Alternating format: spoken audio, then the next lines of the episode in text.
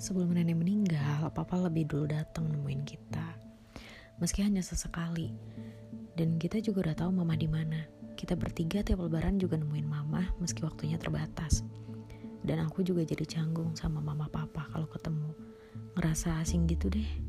Dan setelah nenek meninggal, aku dan kakakku sempat tinggal berdua aja. Tapi karena saat itu kakakku harus kerja keluar kota, akhirnya kakak ngasih aku pilihan untuk ikut mama atau papa karena mereka udah sama-sama punya keluarga lagi. Karena saat itu aku gak mau buat pindah sekolah, dengan sangat terpaksa ikut papa, karena tempat papa gak jauh dari sekolahku. Setelah dijalani hidup sama papa, beda banget. Gak nyaman pula. Karena biar, biar gimana pun, seorang ibu lebih pas merawat anak, ya kan?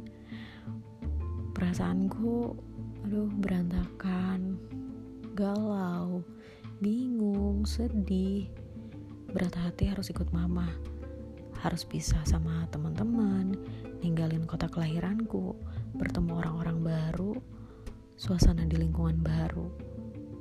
Kenaikan kelas 9, aku mutusin untuk ikut mama, karena gak tahu lagi harus ke mana. Dan sama aja, gak senyaman waktu tinggal bertiga sama nenek. Sama aja banyak konflik di rumah itu apalagi hidup bareng sama saudara-saudara tiri saudara-saudara tiri. Tapi ya mau gimana lagi? Pahit perih harus tetap dijalani.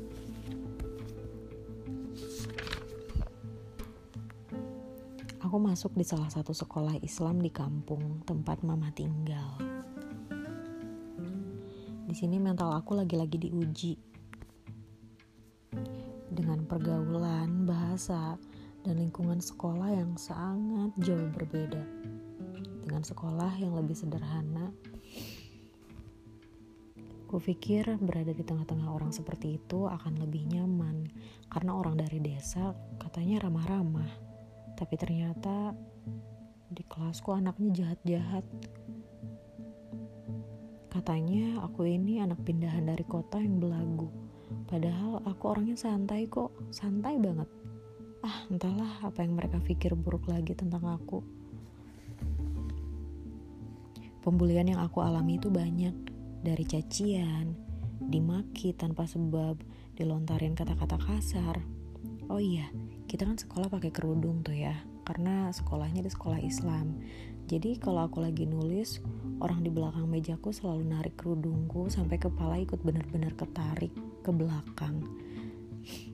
Terus karena diwajibkan masuk kelas lepas sepatu, sepatuku suka dilempar-lempar. Dengan bahagianya mereka ketawa-ketawa. Yang paling fatal, sepatuku dilempar ke kandang sapi. Ya, namanya juga di kampung. Jadi dekat sekolah aku tuh ada kandang sapi gitu.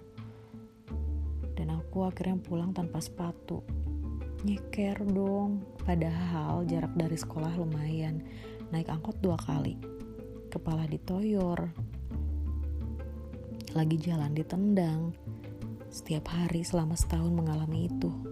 Dan di pertengahan aku sempat gak mau sekolah, tapi karena didorong banyak orang buat semangat, jadi aku paksain aja. Dan aku juga mikir masa depanku aku sendiri yang nentuin. Berontak dan perlawanannya aku gak guna, gak ngebuat mereka bisa nggak apa gimana ya? Aduh kan. Ah sebel. Jadi meskipun aku berontak aku ngelawan itu tuh nggak guna nggak ngebuat mereka bosen nyiksa aku. Karena dari satu kelas cuma dua orang yang care sama aku. Itu pun mereka nggak punya power buat bantu aku lebih sangat disayangkan atas sikap guru-guru di sana yang tahu kasus ini, tapi nggak memberikan pelajaran yang setimpal buat mereka dan bisa dibilang acuh sama apa yang terjadi. Selama ini aku nggak percaya kalau ada guru yang nggak bijaksana, tapi setelah aku sekolah di situ, aku akhirnya percaya bahwa guru juga manusia. Guru juga banyak yang jahat, contohnya di sekolah itu. Hah, seandainya berani buat nyebutin sekolah itu. Tapi ya udahlah ya udah berlalu. Satu tahun itu bukan waktu yang sebentar kan.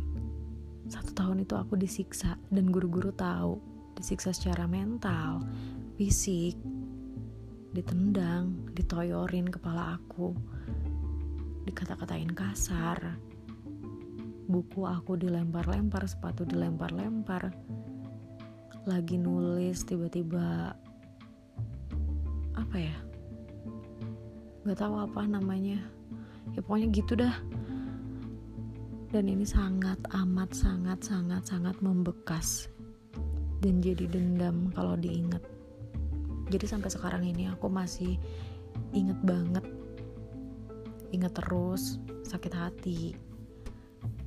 Kalau digituin rasanya